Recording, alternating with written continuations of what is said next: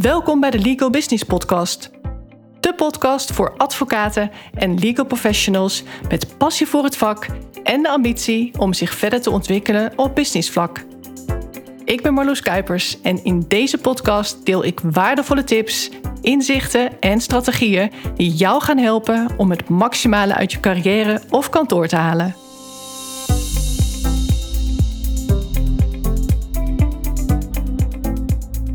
Hier is hij dan, mijn eerste podcastaflevering. Welkom. Leuk dat je luistert. In deze aflevering ga ik mezelf uiteraard introduceren. Wie ben ik? Wat is mijn achtergrond? En wat heb ik met de advocatuur? Waarom ben ik na tien jaar gestopt als advocaat? En wat doe ik nu met mijn bedrijf Meestelijk Ondernemen? En natuurlijk de big question: waarom deze podcast? Want ik denk al heel lang na over het starten van een podcast. Maar als je iets doet, moet je het ook consequent doen. En nu ben ik er klaar voor. Laat ik maar beginnen met iets over mezelf te vertellen. Ik ben Marloes Kuipers en misschien ken je me al een beetje, maar mogelijk ook helemaal niet. En ben je heel toevallig bij mijn podcast aanbeland. Ja, laat ik maar bij het begin beginnen. Nou ja, vanaf het moment dat ik eh, startte met mijn rechtenstudie, lijkt me vroeg genoeg, was het een bewuste keuze. Ja, want er zijn natuurlijk nogal wat uh, vooroordelen als het gaat om de keuze voor een rechtenstudie als je niet weet wat je wilt worden, nou, dan, uh, dan kies je maar rechten. Nou, dat gold in ieder geval niet voor mij. Integendeel zelfs. Het was een uh, heel bewuste keuze. Niet omdat de rechtenstudie mij nou zo fantastisch leek. Zeker niet zelfs. Want de studie die zag ik eigenlijk als vrij droog. Maar het werk als advocaat leek me juist allerminst saai. De naar verwachting saaie studie was wel de reden dat ik er in eerste instantie niet aan begon, moet ik zeggen. Want als je het hebt over de vraag: wat wil je worden als je later groot bent? Dan was het geen advocaat, maar tandarts. Van kinds af aan had ik al een fascinatie voor het gebit.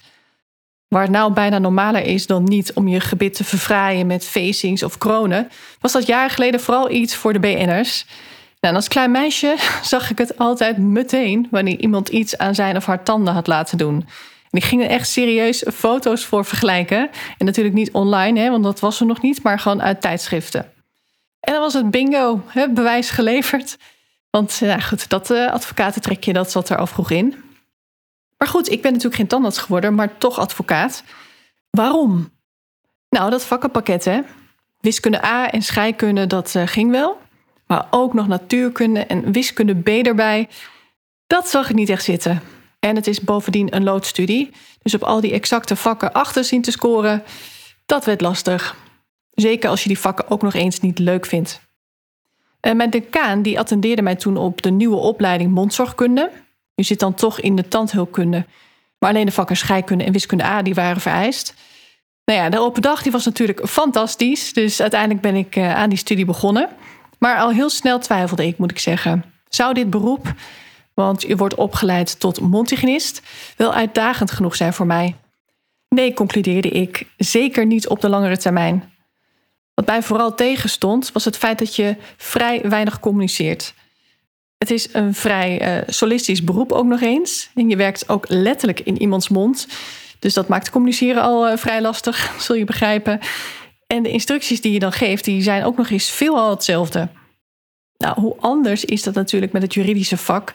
Dus dat begon opeens weer enorm aantrekkelijk te worden. Nog tijdens deze studie ben ik bij diverse rechtenfaculteiten gaan kijken en uiteindelijk koos ik voor Utrecht. Na mijn afstuderen begon ik als advocaat op de sectie commercieel vastgoed bij een groot kantoor. Maar wat was mijn timing ongelukkig zeg? Ik begon echt vlak voor de economische crisis, dus die vastgoedpraktijk die droogde al gauw op de vastgoedpraktijk van mijn patroon die maakte deel uit van de praktijkgroep bestuursrecht. Dus ik kreeg vooral allemaal bestuursrechtszaken en daar werd ik niet echt blij van. Dat heb ik ook aangegeven, want ja, anders werd ik natuurlijk opgeleid in iets waar ik mij niet in wilde specialiseren. Leek me niet handig en ik ben een echte civilist. Tegelijkertijd regende het plotseling faillissementen. En met enige moeite kon ik toch een overstap maken. Dan ben ik ook afgestudeerd in het insolventierecht, dus dat kwam goed uit. Dus ja, van commercieel vastgoed de overstap naar insolventierecht. En toen. Als curator had ik het erg naar mijn zin. Of beter gezegd, in de rol van curator. Want ik was natuurlijk vooral werkzaam in de grote faillissementen van mijn ervaren collega-curatoren. En de afwisseling, de dynamiek en het ondernemerschap, hè, wat de rol van curator van je vraagt, dat lag me goed. Echt, als er één rol is binnen de advocatuur waar je als een soort ondernemer op moet treden, dan is het wel die van curator. Je moet scherp hebben waar het misging binnen de onderneming, maar ook hoe de kansen liggen. Is de onderneming geschikt voor een overname? En zo ja, dan moet je die onderneming tegen de best mogelijke prijs zien te verkopen. Even simpel gezegd. En je moet dus kunnen onderhandelen, kunnen verkopen, beslissingen nemen, personeelszaken afhandelen en dealen met allerlei contracten. Dat vraagt om inzicht, een visie en knopen door durven hakken. Afgewogen risico's nemen, net als dat elke succesvolle ondernemer dat moet doen, om natuurlijk door te kunnen groeien. Maar helaas is het insolventierecht ook bij uitstek een rechtsgebied wat onderhevig is aan de ontwikkelingen in de markt. Je zag dat ook nu weer gebeuren door corona. In één keer een faillissementenstop. Dat was ook toen het geval. Net zo snel als dat het faillissementen regende, stagneerde het ook weer. En dan vooral de kwaliteit van de faillissementen. Dat was echt slecht. Veel lege boedelfaillissementen en van grote naar veel kleinere faillissementen. Dus ja, dan ben je vooral liefdadigheidswerk aan het doen als kantoor. Je maakt als curator wel de uren, maar natuurlijk niemand die ze betaalt. Want daar staan veel mensen niet bij stil. Wordt als curator betaald uit de baten van de boedel of niet? En als groot kantoor heb je sowieso al het extra nadeel dat je lang niet altijd vrij staat als curator. Om natuurlijk die mooie grote faillissementen af te mogen wikkelen. Dus dat betekende weer een switch voor mij. Dus ik ging maar eens goed nadenken over wat ik nou wilde. Dat superspecialisme, dat vond ik niet zo'n goed idee. Te risicovol. Dat had ik al twee keer meegemaakt. Een wat kleine kantoor kiezen leek me daarom wel verstandig. En ik zag ook andere voordelen, zoals meer cliëntcontact, vaker procederen, het echte advocatenvak, zeg maar. Door de economische crisis had de advocatuur een flinke tik gekregen. En ik durf eigenlijk wel te zeggen dat de advocatuur sindsdien blijvend is veranderd. Waar je bijvoorbeeld vroeger vrij veel toch relatief grote kantoren had, die alleen al door hun naam en reputatie een soort superieure positie hadden, werd dat toen ineens anders. Kantoren moesten echt moeite gaan doen om aan nieuwe zaken te komen. Ook die kantoren met een goede naam. Dus het ondernemerschap werd nogal op de proef gesteld. Ik had leuke gesprekken gevoerd bij wat kleinere kantoren, maar ze hadden wel wat werk over, maar niet genoeg om een fulltimer zoals ik, die nul betalende zaken meenam, aan het werk te houden. Ik merkte toen al dat advocaten geneigd zijn om af te wachten in plaats van in de actiestand te komen. Want de cliënten, die gaan niet vanzelf komen, hè? zeker niet op korte termijn. En juist in die crisistijd hebben veel ondernemers juridische problemen. Dus er is genoeg werk, maar je moet het wel gaan halen als het niet vanzelf komt. En wellicht gaan nadenken over een andere vorm van dienstverlening, passend bij de situatie en de behoeften van de cliënt. Thinking outside the box dus. De paar kantoren die mij graag wilden hebben zodra ze meer werk hadden, die stelden voor om contact te houden. Nou, prima, maar ik ging natuurlijk niet zitten afwachten. Per toeval belandde ik in de letselschadepraktijk. Dat was toen en is het nog steeds booming business. Juist vanwege mijn interesse in het medische, en die interesse heb ik sowieso, dus ook buiten de tandheelkunde, dacht ik dat het zomaar eens een goede match zou kunnen zijn. Lang verhaal kort, letselschade was niet mijn ultieme passie. Ik ging er niet zo van aan, zal ik maar zeggen, zoals bij vastgoed en insolventierecht. Ja, en waar ligt dat dan aan, vraag je wellicht af. Het is wat lastig om er de vinger op te leggen, maar ik werk sowieso graag met ondernemers. Ik hou echt van hun denk- en handelswijze. Ik spreek ook hun taal. Ik kom ook echt uit een ondernemersfamilie, van mijn ouders, ooms en tantes tot aan opa's en oma's aan toe. Dat zal ongetwijfeld meespelen. Maar daarnaast houd ik ook echt van juridisch complexe materie ontrafelen. En zaken behandelen waar je echt diep voor moet gaan om die te winnen, in plaats van het meer standaardwerk. En dan heb ik echt wel uitdagende, complexe zaken behandeld als letselschadeadvocaat, waar ik ook echt veel voldoening uit haalde. Maar daar stonden toch te veel zaken tegenover die ik zo op routine kon afwikkelen. En daar werd ik persoonlijk niet blij van. Nou kun je er als kantoor natuurlijk voor zorgen dat je meer de krenten uit de pap haalt. Maar daar is wel het een en ander voor nodig qua positionering en strategie. En dat moet je wel willen. Het kantoor waar ik werkte had die behoefte overduidelijk niet. En veel advocaten zijn ook niet zo op zoek hè, naar die continue uitdaging. Zo is het natuurlijk ook. Iedereen tikt anders, zeg ik altijd. Maar ik ben wel zo ambitieus, dus ja, ik zat niet op mijn plek. Maar waarom ben ik dan geen eigen kantoor begonnen? Hoofdreden is omdat ik natuurlijk een specialist was geworden. Ik heb zelfs de grootste gedaan. Binnen een rechtsgebied waar ik niet dol enthousiast van was. Niet echt gepassioneerd. Want dat is het. Na al die jaren vond ik vastgoed en insolventierecht nog steeds leuker. En dat kun je niet zomaar weer even oppakken op dat niveau, vind ik. Daarvoor heb ik de lat voor mezelf wel wat te hoog liggen. En één ding wist ik wel: ik ga nooit meer in loondienst. It's time to do things my way. Nu ik bij alle kantoren waar ik werkte veel dingen zag die beter zouden kunnen, zo niet moeten, werd het ondernemerschap ook wel in me aangewakkerd natuurlijk. En advocaten houden over het algemeen niet zo van verandering. liever weglopen voor problemen of genoegen nemen met minder, bijvoorbeeld minder omzet, minder leuke zaken of minder leuke cliënten, maar wel klagen. In plaats van daadwerkelijk actie te gaan ondernemen om de situatie ook echt te verbeteren of om kansen te pakken. Als geklaagd wordt, dan moet je een oplossing zoeken. Als het doelen zijn, moet je een plan maken. Ja, dat is dat praktische in mij.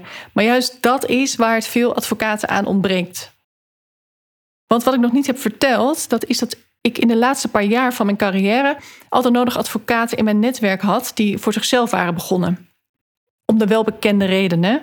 En wel houden van het vak, maar niet van de typische werkwijze en het beleid binnen de meeste advocatenkantoren. Maar wat eerst zo aantrekkelijk leek, dat ondernemerschap, dat bleek toch wel wat tegen te vallen. Want er komt ook nogal wat bij kijken. Met een beetje geluk heb je zo je eerste cliënten, of nou ja, wellicht kun je ze zelfs meenemen. Maar dan, dan moet je een plan hebben. Dat begint al met een logo en een huisstijl en een goede website. Professioneel ogend. Het moet goed ingericht zijn en met de juiste copywriting. Waardoor mensen ook echt denken van ja, die advocaat, die moet ik hebben. Het soort cliënt dat je aantrekt staat of valt met je positionering. En daar wordt al vaak niet goed over nagedacht. En een kast vol dossiers wil nog niet zeggen dat je daar ook blij mee bent. Hoe vaak ik advocaten wel niet hoorde klagen over hoofdpijndossiers en lastige cliënten. Maar ook al het andere wat tegen zat kreeg te horen. Marloes, wil je eens meedenken? Ze wisten al dat ik weinig moeite had met het managen van mijn praktijk. Zelfs bij lastige of veel eisende cliënten die we natuurlijk allemaal wel eens tegenkomen. Mooi onderwerp voor een aparte aflevering. Hoe ga je daar nou mee om? Ik bedacht dus oplossingen voor hun problemen. Van het krijgen van een scherpe positionering tot de juiste branding en marketingstrategie. Hoe kom je nou aan die mooie zaken? Hoe kom je aan die betere cliënten? Wie moet je aannemen als je gaat uitbreiden? Nou, ga zo maar door. En vooral als ze gingen groeien, dan speelde dat advocatenbrein echt op. Want er wordt vooral gedacht in risico's in plaats van in kansen. En dat gaat gewoon niet werken. Dan zet je geen stappen en sta je stil. Je zult als ondernemer afgewogen risico's moeten nemen, zeg ik altijd. Voor het kantoor waar ik werkte waren mijn ideeën vaak wat te ambitieus. Was ik dan zo extreem ambitieus? Nou, niet echt. Het ging namelijk vooral over vrij basale dingen als de kantoornaam, de positionering, hoe kun je nou slimmer werken in plaats van harder? En vooral ook ja, kansen zien. En, en hoe maak je nou betere afspraken met bijvoorbeeld samenwerkingspartners of doorverwijzers? Het duurde soms wel langer dan een jaar voordat een idee van mij uiteindelijk toch werd doorgevoerd. En dan hadden ze er nooit spijt van, zal ik maar zeggen. Nou, misschien achteraf van het uitstellen. Die bevriende advocaten waren wat sneller met implementeren. En ik zag dat mijn manier van denken wel degelijk voor goede en snelle resultaten zorgde. Ook merkte ik hoeveel energie ik daarvan kreeg. De voldoening die ik in die fase niet meer uit mijn werk als advocaat haalde, die hervond ik door mij met de businesskant van het vak bezig te houden. Aangemoedigd door anderen besloot ik uiteindelijk toch een carrière switch. Mijn togen aan de wil gehangen, dat deed ik niet zomaar. Ik heb daar goed over nagedacht. Maar er was nog niemand met mijn soort achtergrond en met mijn ervaring als advocaat die zich echt richt op dat ondernemerschap binnen de advocatuur. Ik ben als het ware een uh, missiegedreven ondernemer. Ik had echt een missie en dat was eigenlijk de drive om mijn onderneming te beginnen. En er zijn natuurlijk genoeg coaches die zich richten op advocaten en juristen, maar vaak omdat ze uit het vak zijn gestapt door een burn-out of omdat ze de druk van het vak niet aankonden. Maar dat is natuurlijk wel een heel andere motivatie en een andere invalshoek. dat is meer de advocaten willen helpen om het vak wat makkelijker te maken of heel erg dat persoonlijke leiderschap in plaats van echt ook die businesskant. Ik heb zelf nog steeds een enorme passie voor de advocatuur. En ik wil echt juist dat enthousiasme overbrengen. En ervoor zorgen dat al die getalenteerde advocaten de advocatuur niet onnodig verlaten. Want dat is wat er gewoon veel te veel gebeurt. Wat daarvoor nodig is, dat is eigenlijk een tweeledige verandering. Enerzijds op bestuurlijk, organisatorisch niveau bij de kantoren, maar anderzijds ook bij de advocaten zelf. En dit is sowieso al een podcastonderwerp, dus ik ga daar nu niet te veel over uitweiden. Maar mijn liefde voor de advocatuur en de passie ja, toch voor het ondernemerschap, dat leidde dus tot de oprichting van mijn bedrijf Meestelijk Ondernemen. Van advocaat naar businesscoach staat met een knipoog op mijn website. Ik heb lang nagedacht over hoe ik mezelf nou zou noemen. Dat mag je best weten. Wat is er nou precies wat ik doe? En waar schaar ik dat dan onder? Businesscoach is het meest algemeen. Alles wat ik doe heeft te maken met die businesskant van de advocatuur. Dus het woord business voor coach is daarom een absolute must. Ik zie mezelf niet zozeer als een coach, maar eerder als iemand die coacht als middel om tot een bepaald resultaat te komen. Daar zit toch wel een verschil in. Coaching is tevens een onmiskenbare component bij mijn begeleiding en advisering. En het wordt vaak onterecht zo zwaar gemaakt. Alsof je mentaal in de kreukels moet zitten om een coach te hebben. Maar een coach is geen therapeut, hè? Al zitten sommige coaches daar misschien wel dicht tegenaan. Je kunt ook heel anders kijken naar coaching. Het kan ook heel zakelijk en doelmatig ingezet worden. Als jij als advocaat een commercieel doel voor ogen hebt, maar je weet niet op welke manier je dat moet bereiken, en je wilt een strategie kiezen die ook echt bij jou als persoon of bij jouw kantoor past, dan krijg je die helderheid dus door coaching. Een goede coach die stelt je de juiste vragen. Die is niet aan het zenden, maar die stelt jou de vragen, zodat je zelf tot inzichten en antwoorden kunt komen. Van een business coach mag je meer verwachten. Ook echt strategisch advies. Een mentorrol. dus iemand die ook echt meer weet dan jij op een bepaald vlak. Een business coach die zegt dat alles kan, jij moet kiezen. Kijk, ja, daar heb je dus niks aan. Je wilt gewoon behoed worden voor verkeerde keuzes, voor, voor de dure fouten betaalt voor de kortere weg naar door jou gewenste resultaat. En daar komt het eigenlijk op neer. Maar denk dat business coach dan de lading? Niet echt, want als ik zie wat sommigen doen die zich ook business coach noemen, dan denk ik, daar wil ik zeker niet bij horen. Maar het gaat vooral om wat ik doe. Ondernemerschap binnen de advocatuur bevorderen, dat is echt de rode draad binnen mijn bedrijf. Maar het is een misverstand dat je echt ondernemer moet zijn om ondernemend te zijn. Dit komt in de volgende aflevering aan bod.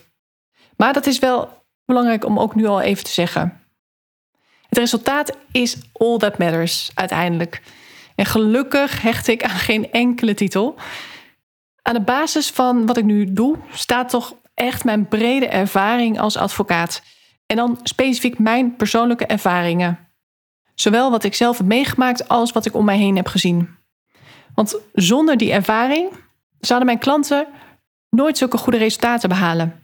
Ik zou hen dan niet echt kunnen begrijpen. Ik zou me niet echt kunnen inleven. Maar ook heel praktisch. Ik zou gewoon ook niet exact weten wat het nou betekent om een praktijk te runnen. En om mensen aan te sturen en samen te werken.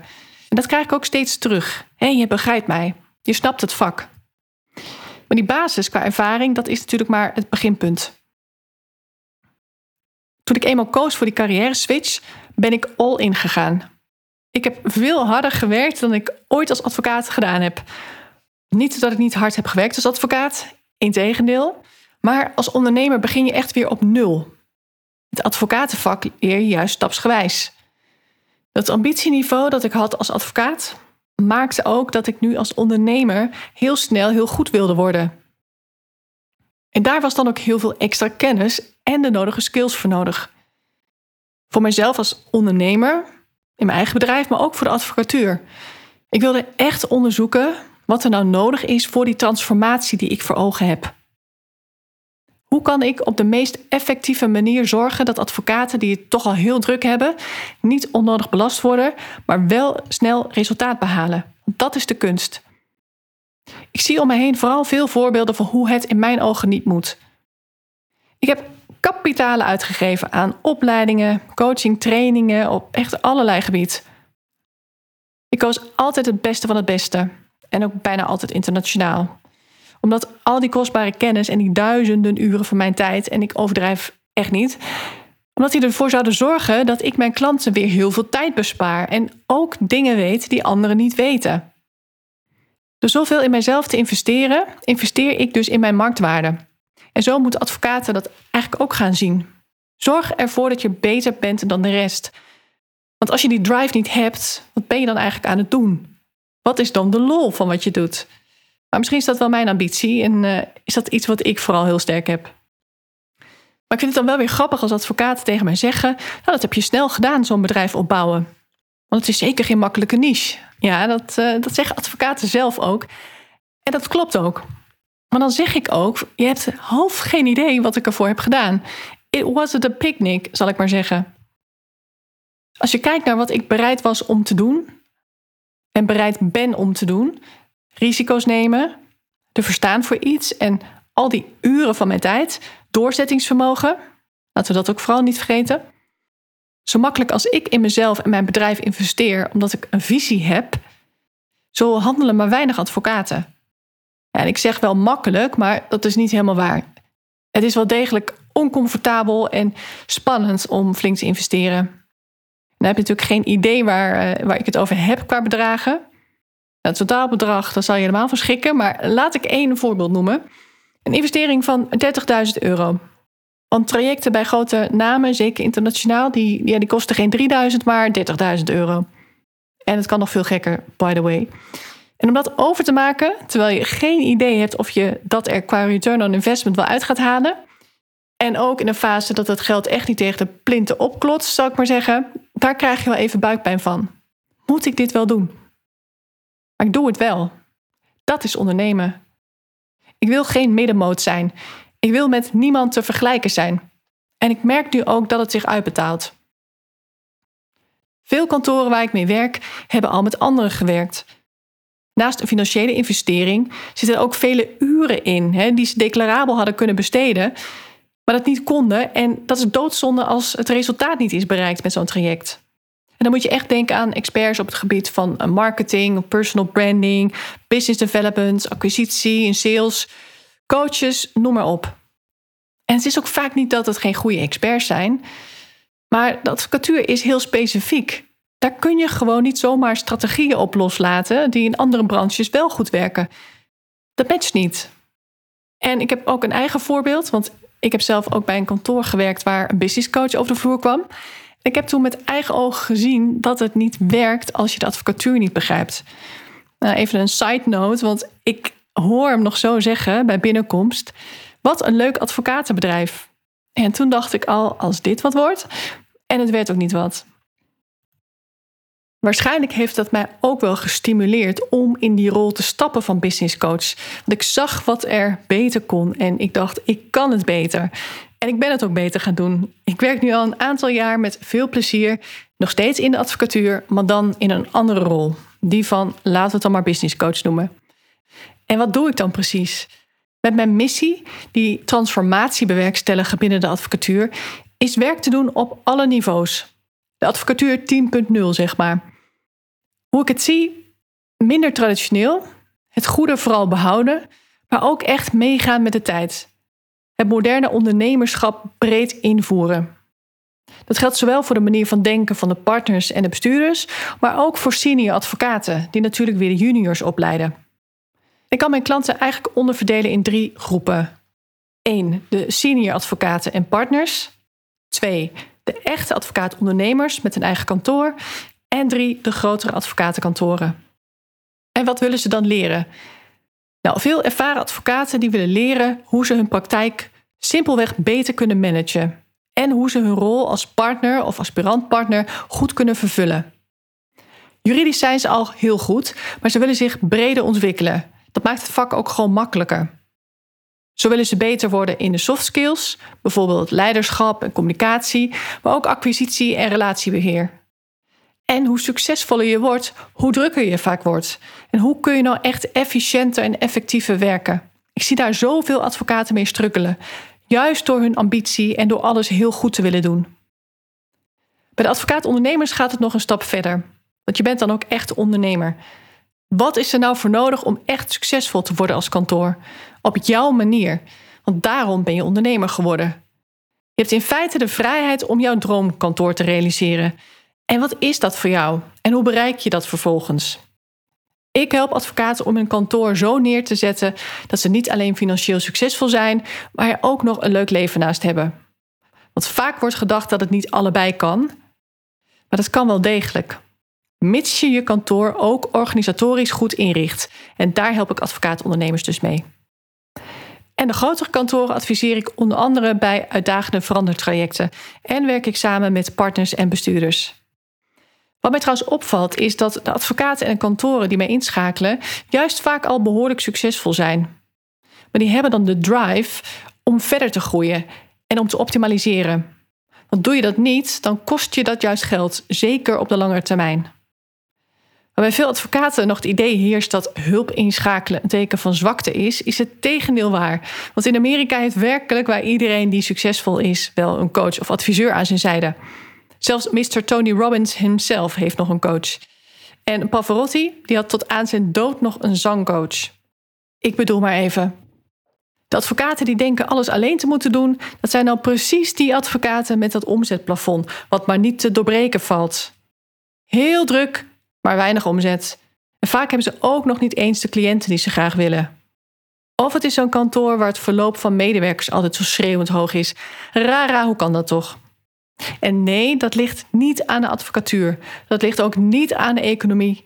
Dat ligt aan de gebrekkige ondernemerskills en aan een verkeerde mindset. Het goede nieuws is dat het echt allemaal te leren is. En dat is ook meteen de reden waarom ik met deze podcast ben gestart.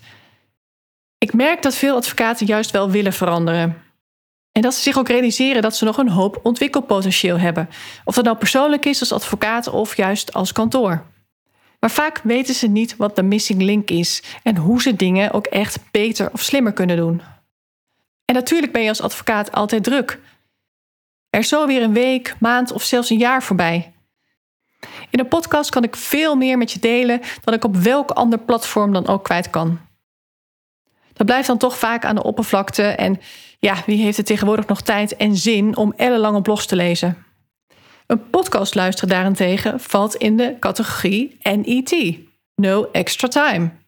Je kunt naar mij luisteren terwijl je de hond uitlaat, terwijl je staat te strijken, terwijl je in de auto zit of wanneer je aan het wandelen bent. Dus het hoeft je geen extra tijd te kosten. En de content die je consumeert is ook nog eens super waardevol, want dat is wel mijn insteek.